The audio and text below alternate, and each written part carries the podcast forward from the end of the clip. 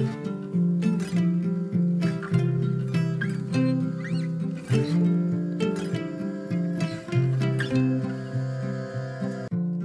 och välkommen till For Health med Anna Sparre. Idag pratar vi om yoga med en läkare och forskare. Hon kallar sig passande nog för yogadoktorn och forskar på hur yoga påverkar vår hälsa. Om du gillar den här intervjun så blir jag så glad om du vill dela med dig av den på Facebook, Instagram eller till en vän. Och gå in i iTunes och lämna en recension av podcasten. Det gör det lättare för mig att få hit intressanta intervjupersoner. Stort tack på förhand! Glöm inte heller att boka mig som föreläsare till ditt event. Jag föreläser både för företag, föreningar och privata grupper. Och om du är nyfiken efter det här avsnittet så hittar du mer information på forhealth.se. Elin Sandberg är läkare och yogalärare och doktorerar just nu i ett projekt med yoga och dans för flickor med återkommande buksmärta. Att lyfta yogan ur ett mer vetenskapligt perspektiv är hennes stora hjärteämne.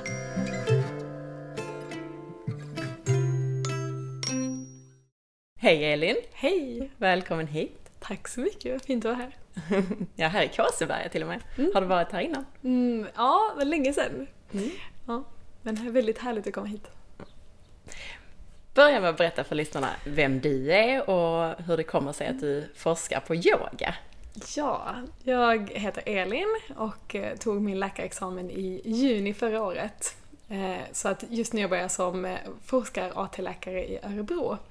Och jag har ett stort intresse av yoga och är väldigt glad att jag får kombinera det här på något sätt med hjälp av min forskning. Eh, eftersom att jag forskar på yoga och dans för flickor med ont i magen.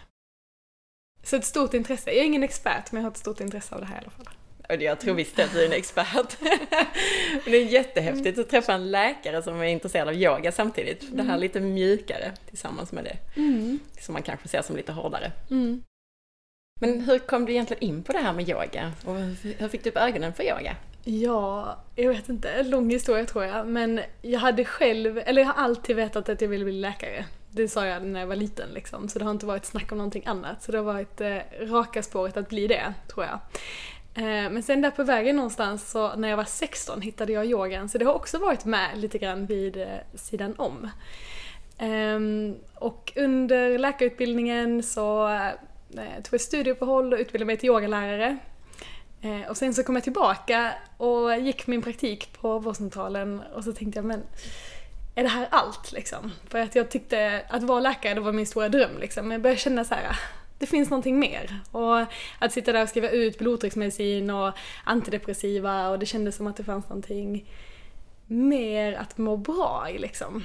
Eh, samtidigt hade jag mina yogaklasser på en yogastudio på eftermiddagarna och kände att det här är det jag vill jobba med. Det här är, här tänds något ljus i folks ögon och det här är att må bra för mig. Och jag själv hade haft mycket hjälp av yogan. Så då tror jag att jag kände att det är det här jag vill jobba med. Det här är att må bra för mig och det är det, ja, det, det är ett större perspektiv på hälsa tror jag. Hälsa och välmående. Och när du säger att yoga har hjälpt dig, vad är det som yoga har gjort för dig? Oj, igen. Jag eh, hade ganska svåra ätstörningar när jag var 16 och började med yoga därför. För att det fanns ingen annan träning som jag kunde eller fick lov att göra då. Eh, och eh, pappa kom med någon forskningsrapport som sa att yoga det var så bra för flickor med ätstörningar, så vi testade. Och eh, jag tror att det funkar. jag vill tro att det i alla fall hjälpte mig att komma lite grann på banan igen och få en annan relation till min kropp och få lite annan relation till livet i stort om jag får vara filosofisk. Så det fanns mycket läkning i det. Och ett verktyg för mig att må bra. Mm. Mm. Och vi kanske ska börja lite från början då, för idag ska vi ju prata om forskning på yoga och inte minst din forskning som är så mm. spännande. Men för den som är ny på yoga, vad är yoga egentligen? Ja, det är också en stor fråga. För att eh, Eh, jag skulle vilja säga att yoga är mycket mer än bara en träningsform. Och under årens eh, lopp så tycker jag också att yogan har förändrat mening och syfte för mig väldigt mycket. Från att ibland eh, fyller det ett syfte av att träna och ibland avslappning och sådär. Men Eh, och det finns ju många olika typer av yoga. Eh, men vad alla har gemensamt är att det är att komma tillbaka till sin egen kropp, känna, stanna upp, vara lite närvarande och eh, känna in. Så att jag skulle vilja säga att yoga, det spelar ingen roll vad det är för yoga man gör eller vad man gör, hur det ser ut, utan hur det känns. Att gå tillbaka och känna in. Liksom. Och eh, att, att de tre stora grejerna som är genomgående i alla är andning och kroppspositioner och eh, meditation. Så att det är det det bygger på liksom. Oavsett vilken yogaform det är så är det någon kombination av de tre elementen. Mm. Eh, Sen kan det se ut hur som helst. Eh, det kan vara mer fysiskt, dynamiskt, det kan vara mer avslappnande, mer energetiskt om man vill säga det. Men att det är, det huvudsyftet är att komma tillbaka till sig själv, lära känna sig själv, ehm, stanna upp lite grann och eh, ehm, andas vara. Mm, mm. Mm. Ja men det är intressant för när du säger det så tänker jag på mig själv och hur jag har använt yogan Sen jag började yoga då så, så mm. jag märker att jag använder positioner från yogan i min vanliga träning. Så då har vi med liksom den rörlighetsbiten och, mm. och sen också eh, att kunna använda det man har lärt sig från yogan i någon slags, när jag utövar någon slags mindfulness meditation.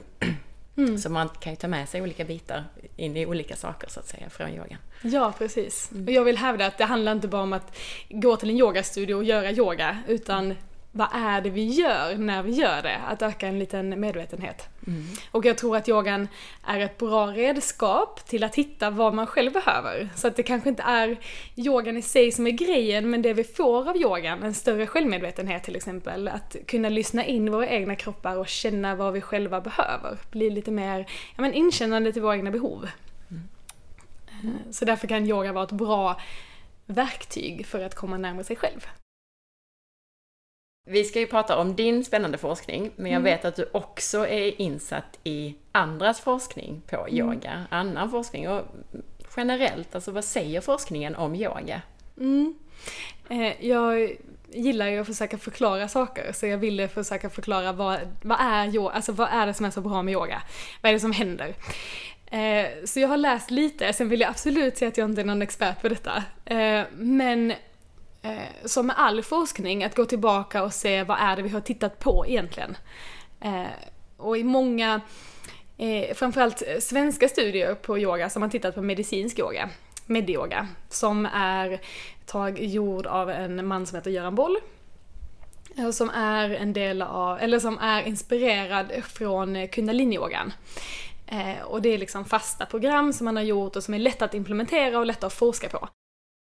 Vid de här svenska studierna på medyoga så har man sett effekter på bland annat eh, ryggsmärta, eh, långvarig ryggsmärta, och återgång till arbete och så. Och vid man har sett effekter på stressrelaterade symptom, högt blodtryck, ångest, oro och man har också gjort studier på eh, sekundärprevention vid hjärtinfarkt och förmaksflimmer och Eh, ja, det är lite gott och blandat. Ehm, och då har man tittat på eh, effekten av medyoga. Eh, om man, om man ser yoga generellt så har man sett effekter på oro, ångest, smärta, depression. Ehm, tittar man på internationella studier så har man gjort mer studier på hatta-yoga och andra typer av yoga och man har också gjort mer studier på specifika element av yogan. Vad är det som händer i kroppen när man gör så här yogiska, långa, djupa andetag och meditation och eh, sådana bitar. Så att, eh, och när man tittar på den här forskningen så tycker jag att det är viktigt att se men vad är det egentligen vi har tittat på? Är det specifika element, till exempel långa djupa andetag? Eller är det yoga som en gruppintervention och kan i så fall effekterna förklaras av att vi var en grupp som gjorde det här ihop, att man kom iväg och gjorde någonting annat eller var det någonting andra, var det några andra faktorer i det här som spelade roll? Så att, eh, att vad forskningen säger om yoga är en sån där jätte jättefråga. Mm. Men eh, generellt, eh, yoga som koncept, så tror jag att de viktigaste eh, sakerna man har sett i forskningen framförallt eh, har med stress att göra. Att, det, att komma tillbaka till sig själv eh, alltså minska stressrelaterade symptom, minska ångest, minska oro. eh, öka motståndskraft mot stress och eh, hur man hanterar smärta och så. Också hur man hanterar sitt sjukdomstillstånd. Eh, och kanske att symptomen blir lite mindre för att man får verktyg att hantera den situationen man är i. Mm. Mm. Det är intressant att du säger det här med vilket element av yoga man tittar på. Mm. För jag hittade en studie nu så sent som förra veckan om själva stretching-delen i yoga och hur mm. det faktiskt kan förbättra överlevnaden i cancer. Mm-hmm. Och då mhm. tittar man på specifik stretching av vävnad så att säga. Så det skulle kunna vara en annan sorts stretching, men yoga innehåller ju väldigt mycket stretchande övningar. Så att mm. där har man ju en, en effekt mm. Eh, av det. Men det är intressant, mm. det, alltså precis, mycket av det du beskriver som är den här stressreducerande effekten, det har ju säkert att göra mer med ska säga, den mentala biten och andningen och det i yogan. Ja, och att få komma ner i varv. Mm. Men ser man också hur kopplat stress är med inflammation till exempel. Om man tänker sig att man minskar stress i kroppen och därmed också minskar inflammation, då kan vi vinna väldigt mycket symptom och, sjukdomslindring bara på den biten. Mm. Eh, och jag tror att det är viktigt. Eh, Just. Att nämna det, att inte glömma det. Och också vilka effekter vi har på hjärnan vid långvarig stress eh, och kognitiva nedsättningar och att det blir svårare för oss att hantera eh, liksom, alltså beteende och ångest, oro, humör och så. Så då tror jag också att det är värt att lyfta att stress med tanke på att stress är en av de viktigaste faktorerna för ohälsa, hur mycket vi har att vinna på att lära oss att hantera den kanske. Mm. Och det tror jag, alltså mm. alla som lyssnar på podden vet det. Dels är det väldigt många som är stressade, har varit eller är utmattade och många av de som kontaktar mm. mig har också problem med just stress och utmattning. Och de som har lyssnat på tidigare avsnitt, de vet också att när vi pratar om hormoner och hormonella rubbningar och så vidare, så varenda fråga okej vad beror detta på? Får svaret mm. stress. Mm. och samma sak när vi pratar då SIBO då, Small Intestinal Bacterial Overgrowth och IBS, så är det också väldigt kopplat till stress till exempel. Inte enbart kanske, men, men det finns alltid nästan med en faktor av stress i det mesta, precis som mm. du säger, inflammation. Mm. Mm. Och det finns ett par eh, studier som faktiskt visar att stress, eller att yoga minskar kortisolnivåer, till exempel, som är en viktig stressmarkör. Mm. Och man har också sett att eh, yoga förbättrar HRV till exempel, som också är en stressmarkör. Berätta vad HRV eh. är. Kortisol vet lyssnarna vad det är, ja. men HRV? HRV är hjärtvariabilitet. Alltså hjärtats normala rytm och att det ofta ska öka lite grann och minska lite grann i relation med andetaget. Och i en frisk kropp och ett friskt nervsystem så har vi en stor hjärtvariabilitet. Alltså att det går snabbare och långsammare liksom. Att det är lite följsamt harmoniskt i kroppen. Men eh, i en, vid stress så är den här variabiliteten mindre. Hjärtat slår mer lika hela tiden. Och det har man sett är kopplat till stress. Mm. Sen har man också sett studier eh, på effekten i hjärnan vid meditation. Och man har sett att eh, områden som amygdala till exempel minskar eh, i storlek, hippocampus ökar i storlek och områden i prefrontala cortex blir också större, alltså högre densitet, har man sett vid meditation, om man nu kollar på det en spännande molekyl som man har tittat på eh, när man har tittat på så här body-mind interventions och eh, yoga i stort liksom, med yoga och all form av kroppsnärvaro. Eh, så har man faktiskt kunnat eh, spåra det till en molekyl och det är NF-kappa-beta. Eh, så den har man sett har kunnat påverkas i detta här. Och det kan ju förklara många av effekterna då som man har sett. Oh. NF-kappa beta har vi pratat mm. om i avsnitt 183, men för de som inte har lyssnat på det, berätta vad detta är för en liten molekyl. Ja, eh, jag kan inte säga så mycket mer om den egentligen, jag vågar inte gå in på det, men eh, att det är en transkriptionsfaktor mm. eh, som är väldigt viktig för reglering av immunsystemet, mm. bland annat. Och koppling mm. till inflammation. Yes, Precis. absolut. Och vad är det då man har sett med den? Ja, att det regleras i en positiv riktning. Vilken form av yoga då? Alltså med tanke på att mycket av det du beskriver är kopplat till stressreducering och meditationsdelen mm. kanske av yoga. Mm. Och, alltså jag vet nu för tiden så är det ju många som går på yoga kanske på sitt gym och det är inte alltid det är så stor del av, av den här meditativa biten i mm. yogan. Men om du själv skulle rekommendera någon form av yoga, alltså vilken sorts yoga är det? Du nämnde hatta-yoga innan till exempel. Mm. Eh, jag tror inte alla vet ens vad det är, men, men kan du beskriva en eller ett par former av yoga som du tycker om och vad det är för någonting? Mm, absolut.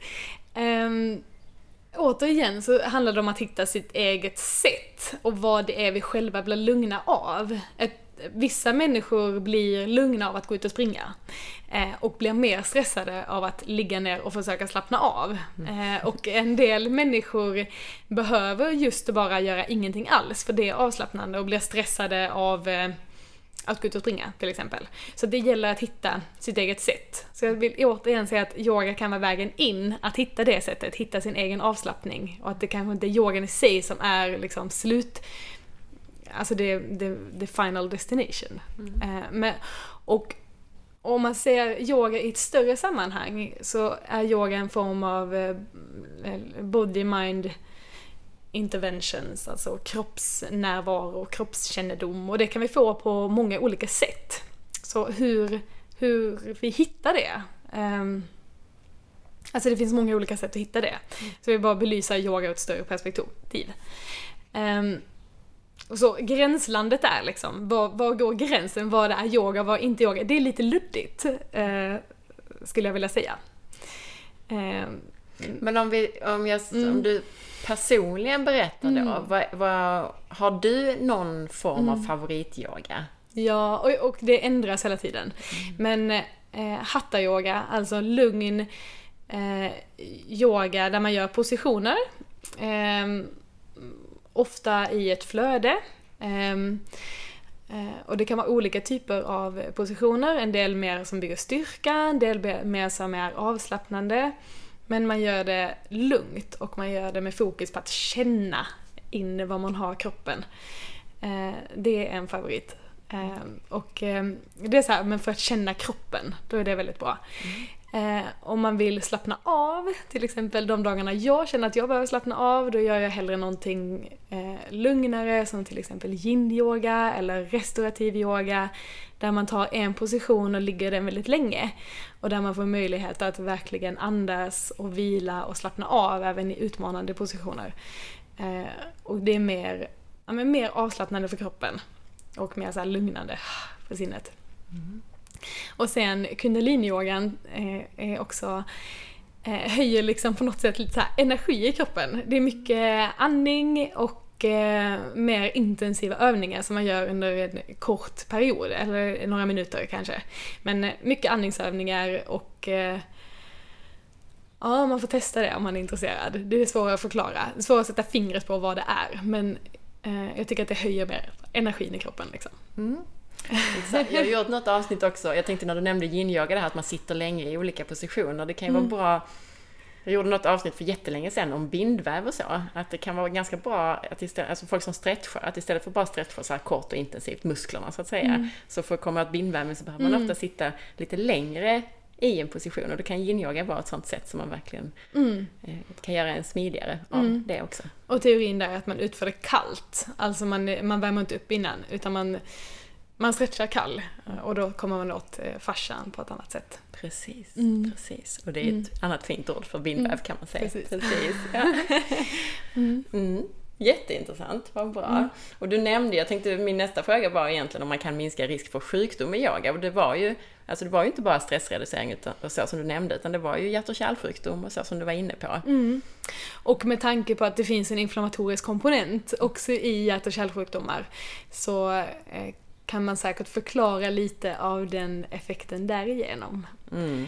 Eh, och jag menar inflammation är ju en komponent i nästan alla våra stora välfärdssjukdomar. Mm. Så det är ju, precis. Mm. Och menar, då tror du att det är just den här stressreduceringen som har påverkar inflammationen mm. med yogan, eller finns det andra saker i yogan?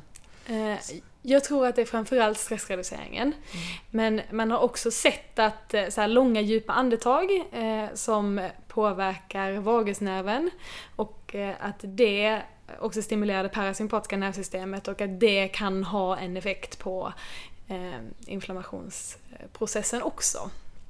Men allting där går igen väldigt mycket, tror mm. jag. Eh, och sen så tror jag att stora effekter handlar om det här med Eh, mer, när, när saker och ting går lite långsammare, när vi stannar upp och låter saker och ting ta lite längre tid. Och att vi blir lite mer medvetna om vårt eget beteende och hur vi kan handla för att få ett annat eh, för, för, att få en annan respons, för att få en annan reaktion. Eh, det tror jag också att vi vinner mycket hälsa i och minskar på mycket stress, att vi blir ja, men lite mer självmedvetenhet, lite mer koll på vårt eget beteende och hur vi kan eh, handla på ett sätt som gör oss friskare i längden. Mm. Eh, där tror jag också, men det har väl också med stress att göra. Det blev ett långt svar på en kort fråga. Men, ja, nej, men, men, det var jättebra och det är roligt att för du nämner så många saker som vi har haft uppe i andra avsnitt. Nu pratar mm. du lite grann om vagusnerven och det parasympatiska nervsystemet och det, vi har gjort flera avsnitt om det men det finns ett specifikt, 164, mm. som handlar just om vagusnerven. Mm. Så det kan jag rekommendera lyssnarna eh, mm. att, att lyssna på om man är mm. intresserad av det här. Och det är en av huvudgrejerna som man gör i yoga, i all typ av yoga. De långa djupa andetagen och att man andas på ett eh, speciellt sätt för att stimulera just vagusnerven. Eh, så man gör många andningstekniker och så för att, för att påverka vårt nervsystem. Och där har vi också många effekter av yogan. Mm. Mm. Men det finns ju också i vissa, när jag har varit um, och yogat. Ibland så har instruktören också gjort en del andning som jag tycker stimulerar det sympatiska nervsystemet. Absolut. Mm. Så, så, man, kan, man kan vända och vrida på det hur man vill mm. egentligen. Mm. Och jag tror huvudsyftet med yoga är att vi vill balansera eh, alltid. Så att vi vill inte bara stimulera det sympatiska och det parasympatiska men att man vill kanske stimulera dem båda två samtidigt eller att man vill göra någonting för att skapa balans. Eh, mm. och för de flesta tror jag att det är vi behöver komma åt det parasympatiska nervsystemet. Ja. För man är så mycket, i, vår, i vårt samhälle är vi så mycket i det sympatiska nervsystemet hela tiden. Ja, och jag tror, eh, eller jag får ofta den reaktionen av många som går på eh, mina yogaklasser, andra yogaklasser, att de säger är det så här det känns att slappna av? Kan, kan det kännas så här? Ja, det kan det. Men jag tror att vi generellt sett är ganska dåliga på att slappna av. Och vi tror att vi är avslappnade. Fast vi kanske inte riktigt är det. Mm. Eh, och eh, då när man känner på hur det verkligen känns att slappna av så blir det ofta ett aha mm. eh, moment. Du får komma, jag hört att du får komma och vara med på någon av mina kurser. Ibland har jag sådana här helger och så här i Kåseberga. Mm. Så du får komma och göra det praktiska så folk verkligen hittar det där. Inklusive ja. jag själv. jag behöver också det. Mm. Ja. jag kommer gärna. Berätta lite om din egen forskning då. Ja, min eh, forskning, eller det är inte min forskning egentligen, vi är ett väldigt stort team i Örebro på Universitetssjukvårdens forskningscentrum som jobbar med det här tillsammans. Eh, men där kollar vi på effekten av yoga och dans utfört som gruppintervention två gånger i veckan i åtta månader för flickor 9 till 13 med återkommande buksmärta. Ja. Men och vad betyder, alltså rent praktiskt, återkommande buksmärta? Alltså är det typ IBS och Crohns och sånt som de har, eller de har ingen diagnos?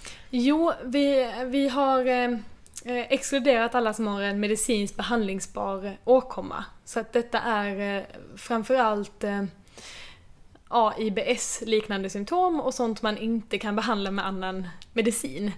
Mm. Eh, orosmage, stressmage, Mm. Mm. Mm, ja men det är intressant för just det, det brukar, verkar finnas en väldigt stark koppling till stress och, och liksom kopplingen hjärna-mage. Ja, och det är väl lite det som är bakgrunden till den här studien också. Mm. Också för att man har sett att det här är egentligen ett eh, lilla systerprojekt till ett större projekt som gjordes i Örebro eh, för några år sedan där man tittade på kravlös dans för flickor med psykisk ohälsa i tonåren. Och eh, eh, det är ett stort problem och den psykiska ohälsan ökar.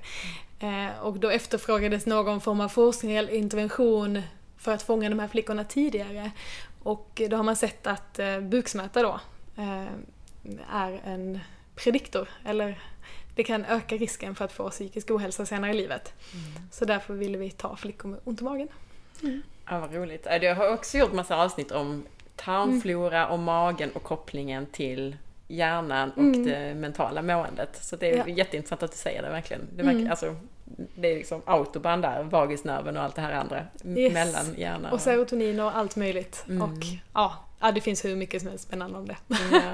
Och vad, hur går det nu? Alltså, har ni några resultat från den här forskningen? Eh, inte riktigt, för vi har, haft, vi har varit igång i två år och haft tre grupper och nu i september så startar vi vår sista grupp, eller två sista grupper, för vi har en i Örebro och en i Västerås.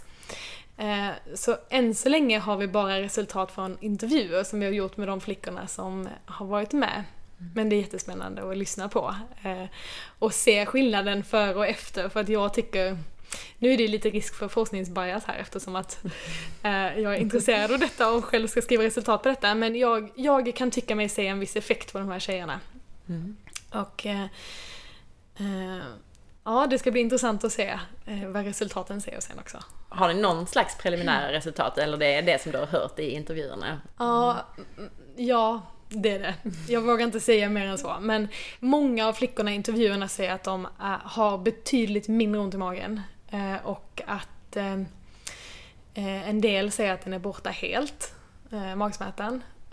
Och det många säger är att magsmärtan är inte lika intensiv och nu Eh, vet jag vad jag ska göra själv om jag får ont i magen för då kan jag bara göra de här sufi-cirklarna eller de här långa djupa andetagen. Och det stödjer lite av den forskningen man har sett tidigare eh, och lite av det som har varit nyckelfaktorerna som vi har velat undersöka. Just eh, smärta och yoga och smärta. Och hur eh, yogan kan hjälpa oss att bli mer inkännande i vår egen kropp. Eh, och dels flytta fokus från det som gör ont till att få fokus i hela kroppen, vilket vi får i sådana här body-mind interventions som både yogan och dansen här i detta fallet är. Eh, men också hur man hanterar sin egen situation och att man får verktyg för att klara av sin situation, sin vardag. Att lindra sin egen smärta till exempel. Eh, det som vi kallar för empowerment. Och att det stöds väldigt fint i de här intervjuerna. Vilket är intressant. Mm. Verkligen. Jag kan bara känna igen mig i det du säger om mm. de här flickorna. Alltså om man har fött barn någon gång så vet mm. man också det att det är ju det här, alltså så länge man är rädd för smärtan och fokuserar mm. väldigt mycket precis på det som gör ont, då gör det väldigt, väldigt ont. Men om man ser det som någonting som, som man kan göra någonting åt eller någonting som är naturligt eller mm. precis fokuserar på kroppen i stort som sagt mm. så, så blir det mycket mer hanterbart. Mm. Det... Och när själva rädslan för smärtan försvinner så försvinner mycket smärta också. Ja, mm. ja men precis. Mm. precis.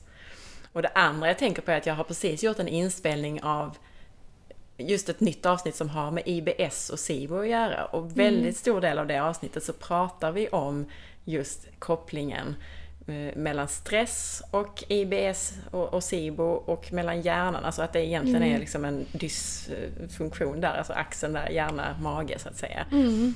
Och det, jag känner igen väldigt mycket i det du säger här nu från den intervjun. Så att jag vet inte vilken ordning vi ska släppa de här mm. avsnitten i. Men kanske att, kanske att det får komma först då så mm. förstår man ännu mer vad du säger här nu. Mm. faktiskt. Jätteintressant. Det finns en jättestark koppling. I den här nu, i er forskning, eller din mm. forskning som jag gärna kallar den för. Mm. Vad är det för parametrar ni tittar på? Ni har gjort intervjuer och så, men vad är det mm. som mm. berättar vad ni har för mätvariabler? Mm. Det primära utfallsmåttet är såklart buksmärta och se hur mycket buksmärtan minskar. Eh, men sen kollar vi också med enkäter jättemycket frågor relaterat till livsstil och allmänt mående både hos flickorna och hos föräldrarna. Eh, och ah, mm, olika somatiska symptom och trötthet och skolgång och kost och avföring och allt möjligt. Sen eh, tittar vi också på eh, accelerometer för att se om flickorna i studien blir mer benägna att röra på sig när, efter att de har blivit, varit med i den här studien liksom och, och alltså blivit mer bekväma med fysisk aktivitet på något sätt, mer aktiva. Sen kollar vi på salivkortisol och vi kollar på fäsesprover, för, alltså avföringsprover för att titta på tarmfloran. Mm. Har ni mm. några resultat på salivproverna och avföringsproverna än? Inte än. Mm. Du har, inte, har, du sett någonting eller du har inte fått titta nej, på det? Nej. nej. Oh, det var spännande. Jag har bara stor förhoppning om att det ska vara någon eh, ja, precis. Nej, jag har inga resultat. Och vad glad jag blir att ni tittar på så vettiga saker också, att ni inte bara tar ett blodprov utan ni kollar faktiskt på både saliv och avföring tycker jag är jättespännande ju.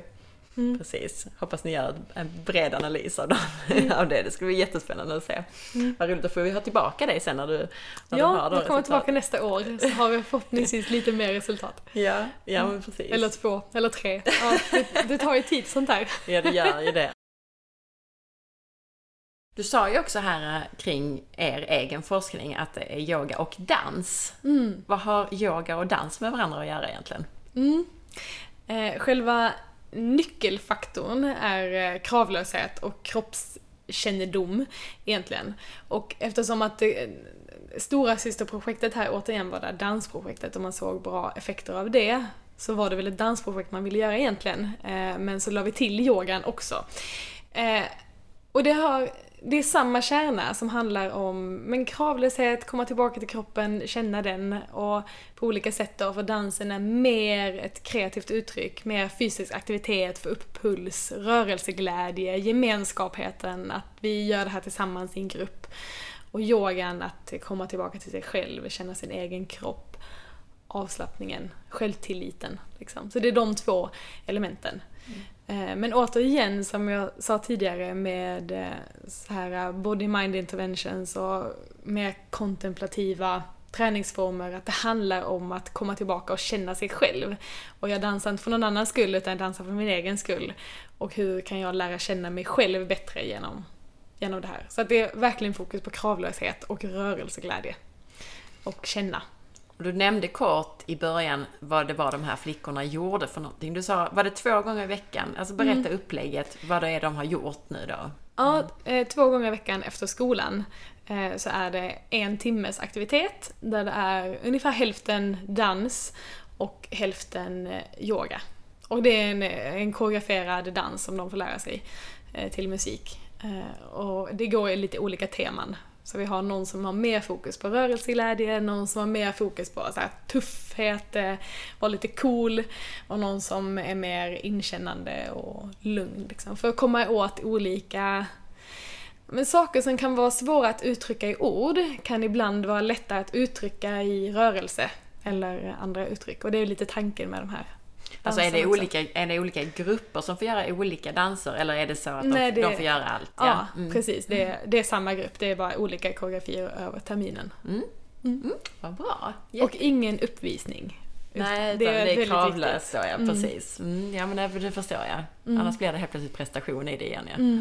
Och det är ju en grej med yogan, att det är så mycket fokus på att man, man har bara fokus på sig själv. Det är ingenting att jämföra med någon annan och så. Mm. Mm. Ja, jag brukar säga att så fort vi puttar in ordet prestation i yoga så har egentligen yogan försvunnit. Mm. För att det ska vara det ska vara så prestationslöst som det bara kan vara. Det är någonting vi gör för oss själva och inte för någon annan. Mm.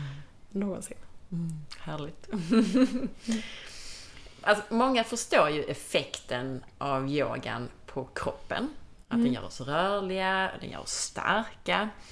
Men det finns ju också en spirituell del i yoga. Mm. Hur är det med den? Mm. Spiritualitet är spännande.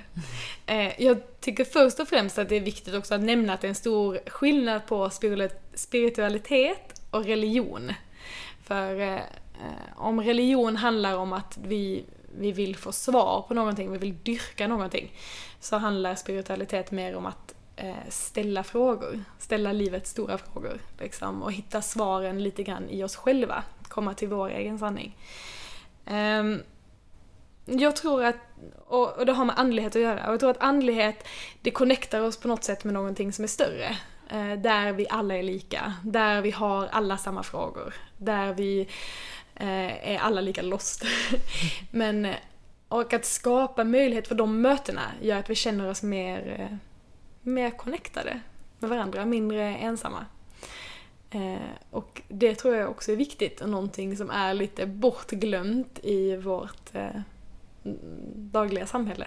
Där kyrkan har fått en mindre roll eh, och vi alla har fortfarande samma längtan och strävan efter mening. Eh, men, och vi, har, vi hittar vår egen mening men ibland behöver vi ha någon större mening som också connectar oss tillsammans. Mm.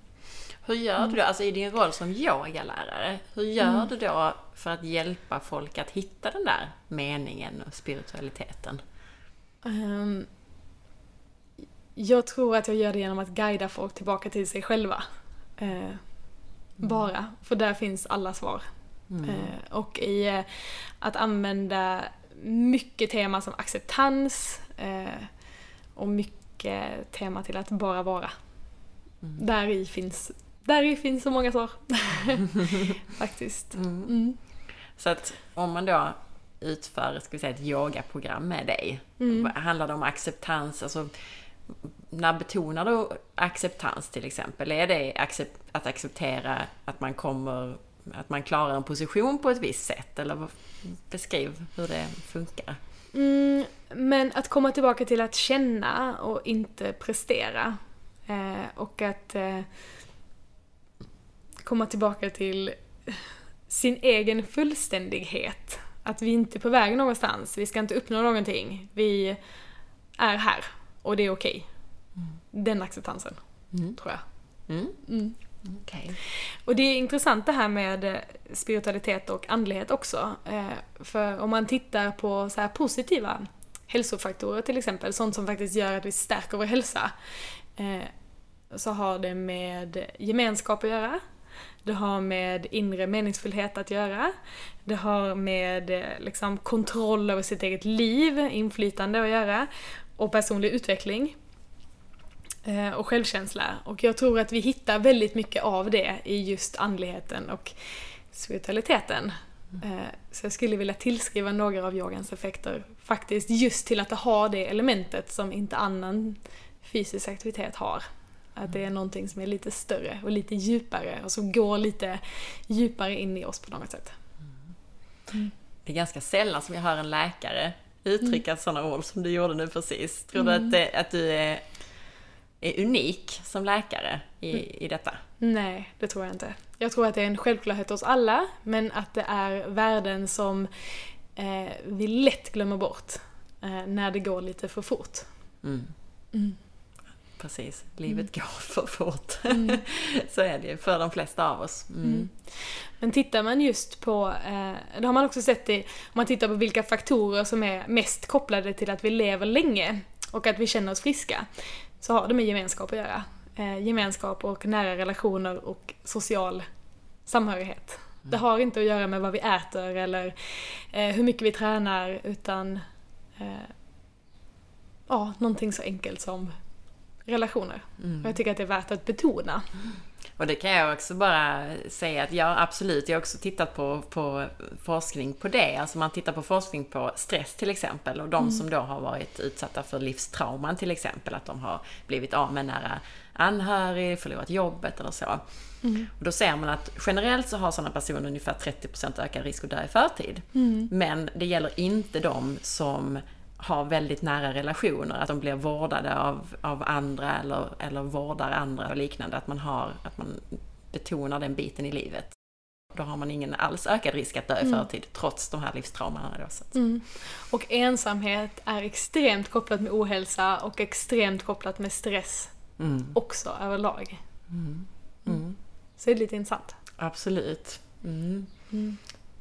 Mm. Mm. Precis. Känner man sig mindre, eller menar du att det påverkar ensamheten då? Eller känner man sig mindre ensam? Nej, jag tänkte på det här med spiritualiteten, eller du menar mer bara det här med relationer? Eh, Både och, för att jag tror både i spiritualiteten då, då får vi någonting som är, connectar oss med någonting som är större. Eh, Det kan låta flummigt men, men jag tror att det är ganska självklart. Alla som har känt det till exempel, alla som har känt eh, hur det känns att stå på en stor eh, konsert, eller gå till kyrkan, eller vad det nu kan vara som får oss att känna en kontakt med någonting som är större. Där är vi inte så ensamma. Eh, Men sen tror jag också att det har rent så psykologiska effekter med yogan där vi stannar upp och lär känna oss själva och blir mer finkänsliga för våra egna behov. Att det också tar bort lite av vår ensamhet för det blir lättare att connecta med andra när man mår bra i sig själv. Och det blir mer ärliga relationer. Eh, Så där skulle jag också vilja tillskriva några av yogans effekter. Apropå det här då, alltså att du som läkare sitter och pratar om Mm. det här. Hur kommer du då i ditt jobb som läkare, hur kommer du använda yogan? Mm. Eh, för det första, ta hand om mig själv så att jag kan ta hand om andra. Jag tror att det är jätteviktigt. Eh, men också att försöka se det lite större i varje möte med varje patient. Eh, men det är en utmaning för oss alla, eh, tror jag. Och någonting vi alla längtar efter och någonting vi alla gör mer eller mindre. Eh, mm, men jag skulle framför allt vilja jobba mer med att implementera yoga eh, och eh, sådana här kroppskännedomsträning i vården överlag. Jag tror att vi, vi har ett stort behov av det i dagens vård. Mm. Och någonting man har pratat om väldigt länge, att man skulle vilja implementera fast det har inte hänt så mycket. Det är fortfarande mycket fokus på medicin och kirurgi, men lite om det här med den, det egna ansvaret och eh, empowerment och avslappning till exempel. Mm. Så jag tror att det, det är ett stort behov inom vården att implementera detta. Mm. Absolut, mm. och det finns ju möjlighet, jag menar man ser på vissa vårdcentraler att man har implementerat så här mm. grupper som tränar på mindfulness och så. Mm. Kanske kopplat till något KBT-program eller så, jag har mm. inte full koll på allt det där. Men jag menar, så borde mm. man ju kunna ha upplägg med yoga också gissar jag. Absolut, medicinsk yoga erbjuds faktiskt på väldigt många ställen. Eh, sist jag kollade på 240 vårdenheter i Sverige. Wow. Ja, så det, det börjar bli stort. Hur kommer man åt det som patient då? Eh, många vårdcentraler erbjuder det själva. Mm. Eh, eller vårdcentraler och andra enheter också har någon form av medicinsk yoga i sin verksamhet. Annars så kan man få yoga, yoga på recept. Mm. Eh, och precis som man kan skriva ut fysisk aktivitet på recept så kan man skriva ut yoga. Men då handlar det kanske också lite grann om för den läkaren som skriver ut det, att den vet vad det är den skriver ut. Så återigen, en större medvetenhet om de här olika typerna av yogastilar och hur man kan använda dem och vad som passar till vad. Och, mm. Men att man får det på recept, betyder det då att man får det betalt av landstinget så att säga? Eller? Nej, det, det är tyvärr, eller tyvärr ska jag inte säga, det är som med all annan fysisk aktivitet på recept. Att det bygger på eget ansvar och eh, eh ja, antingen utföra det hemma eller utföra det i grupp. Det finns ett par ställen där det är subventionerat, mm. men oftast får man betala det själv. Så det är egentligen bara, okej, okay, här får du ett kvitto på att du behöver göra det. Det är inte så att det, det är egentligen... Nej, okej, okay. det är inte ja. så att det blir billigare. Nej, ja, ja men det så. I framtiden kanske? Ja, och om det blir, alltså som du säger, om det finns medieyoga-program så det mm. borde väl i alla fall vara subventionerat då? Eller? De som är Ja, om man går via, via sin vårdcentral mm. så går det som all annan träning eller all annan behandling. Mm. Eh, och de flesta som är med där, är det folk som har verk och stressrelaterade problem eller vad är det för? Eh, ja, eh, lite psykisk ohälsa, stress, eh, värk, eh, sömnproblem, eh, migrän, huvudvärk man skulle kunna tänka sig att skriva ut det till, eh, jag vet, eller jag vet att man använder det väldigt ofta på ätstörningsenheter. Mm. Eller väldigt ofta. Jag vet ett par ätstörningsenheter som använder det mm. eh, hos sina patienter. Eh, ja, jag vet att man använder det eh, på hjärt avdelningen på Danderyd eh, faktiskt. Och jag vet nu också att man har implementerat det på onkologen i Uppsala använder man mycket yoga. Och jag vet att man precis har implementerat det på onkologen i Örebro. För man såg att det fanns ett stort behov eh, och en stor efterfrågan bland patienterna att få lov att eh, yoga. Så då implementerar man det där. Mm. Intressant. Ja, det är fantastiskt att det, det, tar lång tid men det kommer ju allt det här som från början ses som flummigt i västvärlden. Mm. Det kommer ju efterhand så helt plötsligt när vi har väl har forskning på det så ser man att allting av det där är jättebra, eller allting, mm. men väldigt mycket. Alltså, jag tänker på saker som akupunktur till exempel, som mm. sågs som jätteflummigt och som nu varannan sjukgymnast utför. Mm. Och så yogan då, allt sånt här som kommer från mm. säga, lite mer österländsk, lite mer traditionell medicin som inte har funnits så mycket forskning på kanske, utan mer tradition. Mm. Men när man väl forskar på det så ger det fantastiska effekter. Mm. Bättre än många läkemedel. Mm.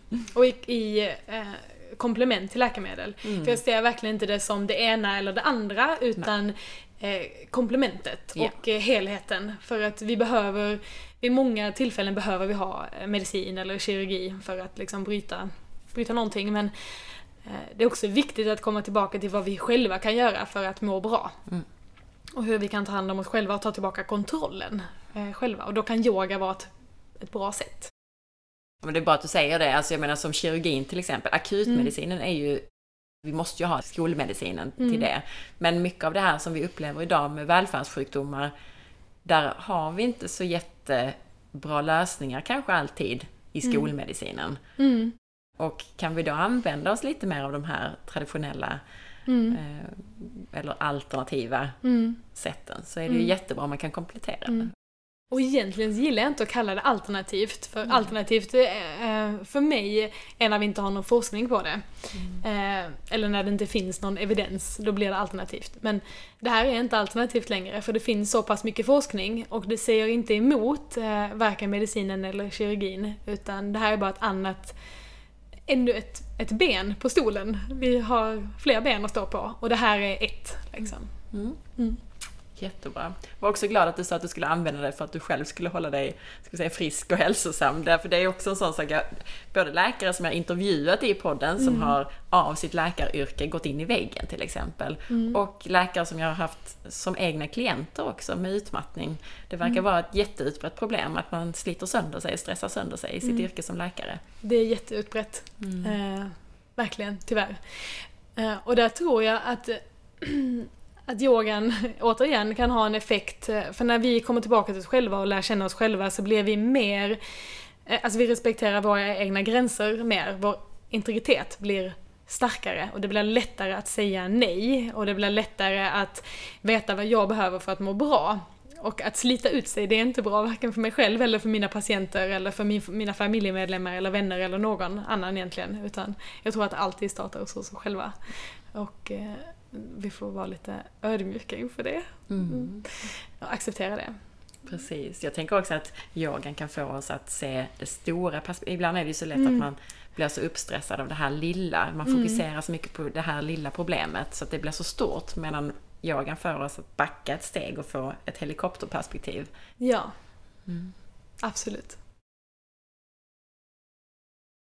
För att då komma till någon slags konkret avslut på det här så Mm. att personer som lyssnar här verkligen kan gå hem och göra någonting praktiskt. Mm.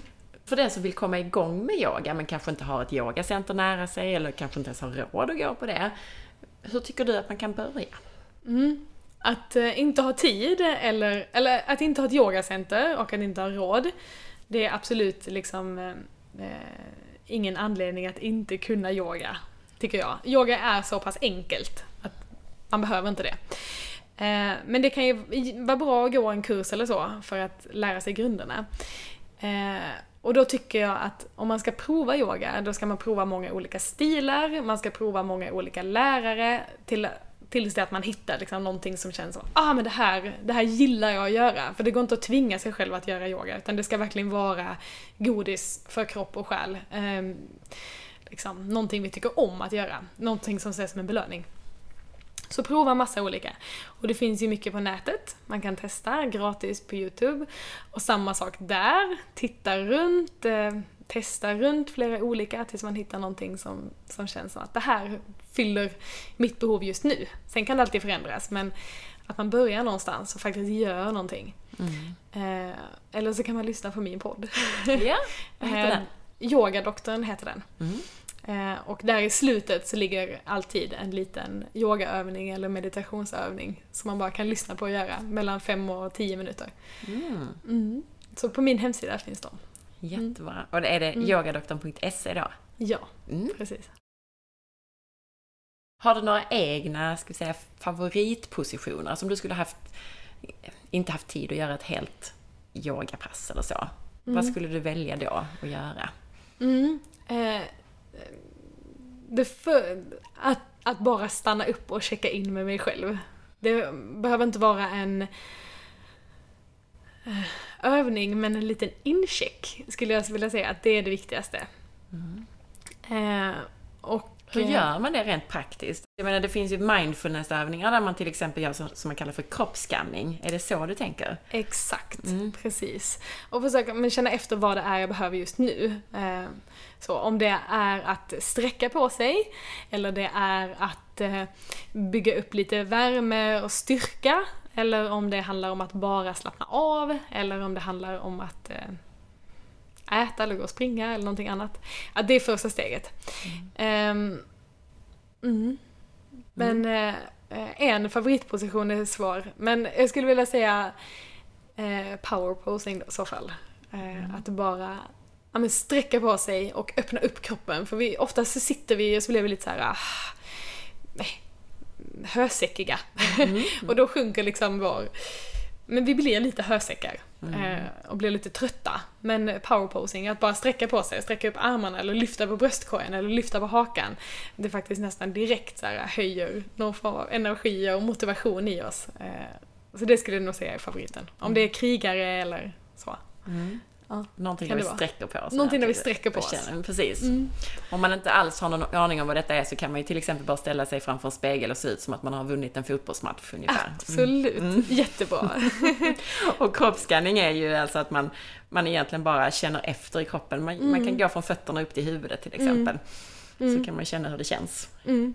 Och eh, det kan kännas, eh, ibland kan det kännas så här svårtillgängligt liksom. Vadå känna hur det känns liksom? Men allting är egentligen förnimmelser i kroppen så här. Om du känner att byxorna sitter lite tight eller det sitter en fluga på min arm eller håret kittlar mot min hals eller eh, det kurrar i magen. Allting, det behöver liksom inte vara ah, energi strömmar genom hela kroppen för det, det handlar inte om det utan det är det enkla. Mm. Mm. Och jag brukar, om jag ligger ner och gör, gör det här så brukar jag tänka, alltså hur, hur känns det eh, när min kropp rör underlaget? Alltså Mm. hur känns det när hälen ligger mot soffan eller sängen till exempel? Mm. Det är ju också ett sätt att, att göra det på. Mm. Och ett bra sätt att börja eh, för att checka in kan vara att eh, känna sin andning. Alltså var, vart i kroppen är mitt andetag just nu? Hur långt är mitt andetag? Hur djupt är mitt andetag? Hur eh, snabbt går det? Eh, och att bara börja observera sin egen andning kan vara ett jättebra sätt att landa lite grann i sin kropp och känna av lite grann mm, sin egen stressnivå. Liksom. Och också känna av eh, hur, hur känns mitt ansikte? Hur känns mina käkar? För det är ofta där samlas sig mycket stress och spänning. När vi är på väg så biter vi ihop liksom. Men att, att känna hur pass avslappnad man är i ansiktet och hur pass avslappnat andetaget är kan vara en bra liten sån där incheck. Perfekt. Om man då skulle gå vidare efter det här, efter man har gjort den här inchecken, man kanske har gjort en power pose så att säga. Om du skulle välja ut ett fåtal positioner och rörelser till ett väldigt kort yogaprogram för den som vill komma igång själv. Man kanske vill starta sin morgon så. Hur skulle det se ut? Eller kunna se ut? Mm. Eh, då brukar jag göra så här att jag eh, delar upp det i fyra delar. Eh, och eh, sätter lika många minuter på varje del, kanske fem minuter på varje del och då har man ett pass på 20 minuter som är ganska bra. Eh, och under de första fem minuterna göra någonting som gör att man slappnar av och landar och känner sin kropp. Det kan vara den här inchecken, till exempel att göra en kroppsskanning eller bara observera sitt andetag eller ta ett par långa djupa andetag för att känna, bara komma ner i varv, stanna upp, känna in, landa lite grann i sin kropp. Eh, och på de andra fem minuterna göra någonting som mjukar upp kroppen. Eh, mjuka rörelser. Kanske bara någonting som öppnar upp eh, bröstet eller någon mjuk eh, dans, solhälsningar, eh, ryggflex. Eh, någonting där vi andas lite längre, lite mer dynamiskt och där vi rör på kroppen i ett få igång lite cirkulation i kroppen. Ska jag säga. Vad som helst som får igång cirkulation gör att blod kommer ut i fingrarna, att blod kommer ut i tårna och som sätter fart på kroppen. Eh, och de nästa fem minuter så gör man någonting som är lite utmanande för sig själv. Och det kan vara antingen att ta en stretch på något ställe där jag vet att oh, jag är tajt i mina höfter så nu stretchar jag på mina höfter. Eller eh, om jag vet att eh, jag är svag i mina armar så gör jag någonting som stärker mina armar. Eller gör någonting som på något annat sätt är utmanande. En balansövning kanske? En balansövning kan det vara om det är det vi behöver träna på. Eh, Det får vara vad som helst. Mm. Eh, Och återigen, gå tillbaka till sig själv och sina egna behov. För att det här, yoga är för dig, ingen annan. Och prestationslöst. Eh, Och eh, det kan ju vara en, en utmaning att bara vara stilla i fem minuter också. Mm. Och då kan man absolut bara få lov att öva sig på att vara stilla i de här fem minuterna. Eh, och de sista fem minuterna att bara ligga ner och vila. Och slappna av. Så det skulle egentligen kunna vara att man ligger, som första minuterna ligger man i shavasana då till exempel, alltså att man ligger ner och, och, så kan man göra någon slags kroppsinkänning samtidigt. Mm. Och sen så skulle man ju då kunna möjligen göra solhälsningen till exempel som en uppmjukande övning. Mm. Och sen någonting som är utmanande, vad det nu är för mig, om det skulle vara att stå kanske i något så här trädet då som är någon, en slags balansövning kan man säga. Mm. Och sen så återigen då ligga i shavasana i slutet till Yes. exempel. Absolut. Då vet jag vad jag ska Och- göra imorgon. Ja, och man kan göra fem minuter eller tio minuter eller 15 minuter varje övning eller varje del beroende på hur, hur lång tid man har och hur mycket man vill göra. Men det kan vara ganska bra. När du själv yogar, brukar du ha ett färdigt program eller brukar du bara känna in vad du behöver här och nu? Eh, det beror väldigt mycket på var jag är i livet. För eh, eh, om, om jag har kört yoga regelbundet eh, mycket så blir det enkelt att känna in precis vad jag behöver. Det blir enkelt att flowa med det. Och sen om man kommer av, eller om jag kommer av mig så behöver jag ha någonting att komma tillbaka till och då vill jag ha ett program. Eh, Så antingen sätter jag ihop ett program själv eller just nu har jag ett program från en lärare som jag gör. Mm. För att ha lite mer disciplin. Och också om jag reser mycket eller så, då kan det vara bra att ha någonting att komma tillbaka till som känns som att det här är mitt. Så det, det varierar jättemycket. Ibland går jag också in på YouTube och bara kör någonting där eller försöker gå till andra lärare för att få mycket mer inspiration och så. Jag tänkte säga det, alltså en, någonting som jag själv använder mycket, för att det är också det här att om man vill få in det i vardagen så är det ibland så tar det för lång tid kanske att åka till någonstans där man kan gå ett pass tillsammans med andra. Men just det här att, att faktiskt YouTube är faktiskt fantastiskt Det är där. hur bra som helst, jag älskar YouTube. Visst är det? Precis. Du sa det att om man vill veta mer om dig så är, det- har du både en podcast, Yogadoktorn, och sen hemsidan yogadoktorn.se. Yes. Är det något annat man ska veta? Nej, jag tror inte det. Jag tror all information finns där. Något sista som du tycker att vi, lyssnarna ska ta med sig? Prova. Mm. Eh, verkligen. Och ge inte upp. Eh, alltså, bara för att eh, du har gått på ett yogapass som inte kändes rätt, dissa inte hela yogan. Eller bara för att du gick till en lärare som inte resonerade med dina förväntningar så, eh, så behöver inte all yoga vara så. Utan det är verkligen, det är som att prova träna för första gången. Och det är så stor skillnad om du hamnar på en golfbana eller du hamnar på en fotbollsplan eller i ett löpspår. Att det gäller att hitta sin egen grej. Liksom. Också med yogan, så ge inte upp. Och jag tror att alla har någonting att vinna på att testa. Det är inte farligt. Mm. Jättebra. Tusen tack Elin för idag. Tack. Tack själv.